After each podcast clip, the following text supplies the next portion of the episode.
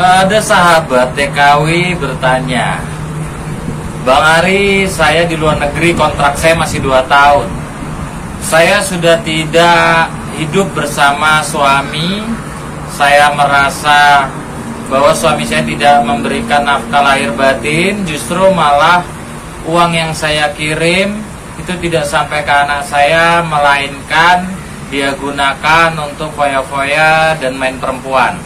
Ya, apakah saya bisa mengajukan cerai? Saya nggak tahan lagi.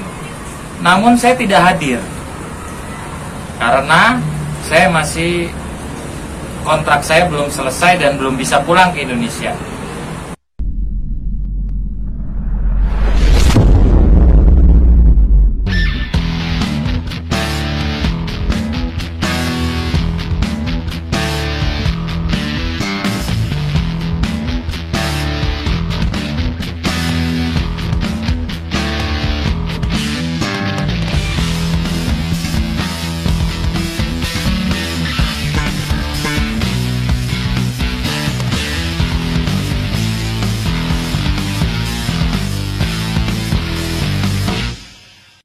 Assalamualaikum warahmatullahi wabarakatuh Sahabat-sahabat Subscriber channel youtube Muhammad Arilau ya.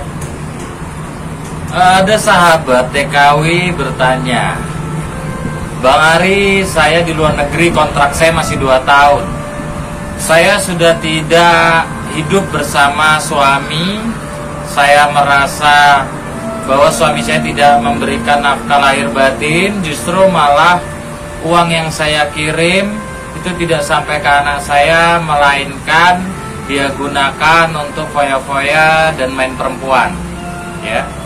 Apakah saya bisa mengajukan cerai? Saya nggak tahan lagi. Namun saya tidak hadir. Karena saya masih kontrak saya belum selesai dan belum bisa pulang ke Indonesia. Ya. Saya perlu jelaskan yang namanya perceraian itu sekalipun menggunakan pengacara itu wajib dihadiri penggugat dan tergugat, pemohon dan termohon atau salah satu pihak karena hakim harus mendengar langsung. Ya, hakim itu harus mendengar langsung alasan yang dikemukakan, perasaannya bagaimana, apakah gugatan ini dalam paksaan atau tekanan atau betul-betul orang yang bersangkutan atau bukan, salah sasaran atau bukan itu wajib datang. Ya, namun ada hal-hal tertentu seperti kayak ke luar negeri. Dalam hukum itu kita mau bicara apa pun walaupun secara de facto kejadian itu benar, tapi tidak bisa kita buktikan secara administratif formil, tentunya hakim akan menganggap hal itu adalah cerita dongeng. Jadi apa yang harus bisa kita lakukan? Apabila menunjuk seorang kuasa hukum, advokat atau pengacara, Surat kuasa itu bisa saja dikirimkan via pos dari luar negeri yang sudah ditandatangani dengan draft yang benar ya ke alamat pengacara yang ditunjuk. Lalu sebelum ditandatangani juga dikuatkan oleh apa? Legalisir KJRI atau kedutaan besar di sana bahwasanya betul-betul yang bersangkutan ada di luar negeri. Dilampiri surat pernyataan bahwa tidak bisa hadir karena suatu hal misalkan uh, betul gugatan ini mewakili isi hati ya. Tidak bisa hadir karena masih dalam kontrak dan masih di luar negeri.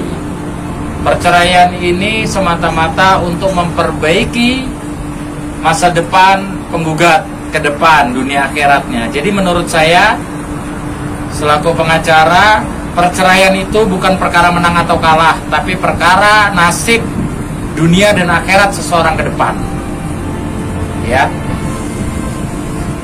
Jadi itu dan saat mediasi itu wajib hadir. Saat mediasi. Pengacara sifatnya pasif di saat mediasi. Dan mediasi itu syarat mutlak putusan pengadilan. Itu bisa sah diputus. Ya. Di saat mediasi pun menggunakan dasar pernyataan itu tadi bahwa tidak bisa hadir karena alasan sedang di luar negeri kontraknya belum selesai atau belum tuntas. Ya sahabat-sahabat dikuatkan oleh KJRI kirim lewat pos. Pengacaranya pun harus punya kepiawaian khusus untuk meyakini hakim mediator dan hakimnya bahwa kliennya betul-betul tidak bisa hadir karena alasan itu ada pernyataan. Kalau perlu bikin video audio visual pernyataan atau video yang nantinya diserahkan sebagai tambahan alat bukti atau sebagai alasan-alasan yang bisa disetel di pengadilan. Untuk menguatkan itu, jadi e, hal itu bisa mempermudah niatan atau hak seseorang untuk mengajukan perceraian. Ya, saya tidak pernah menganjurkan untuk bercerai, tapi kalau itu jadi satu alasan dasar dan itu pilihan dunia akhirat hidup kita ke depan, seperti itulah kira-kira langkah yang bisa ditempuh. Semoga video ini bisa bermanfaat. Assalamualaikum warahmatullahi wabarakatuh. Oh iya, jangan lupa di subscribe channel saya, tekan tombol lonceng supaya bisa mendapatkan notifikasi video-video berikutnya di channel YouTube Muhammad Arilau. Terima kasih.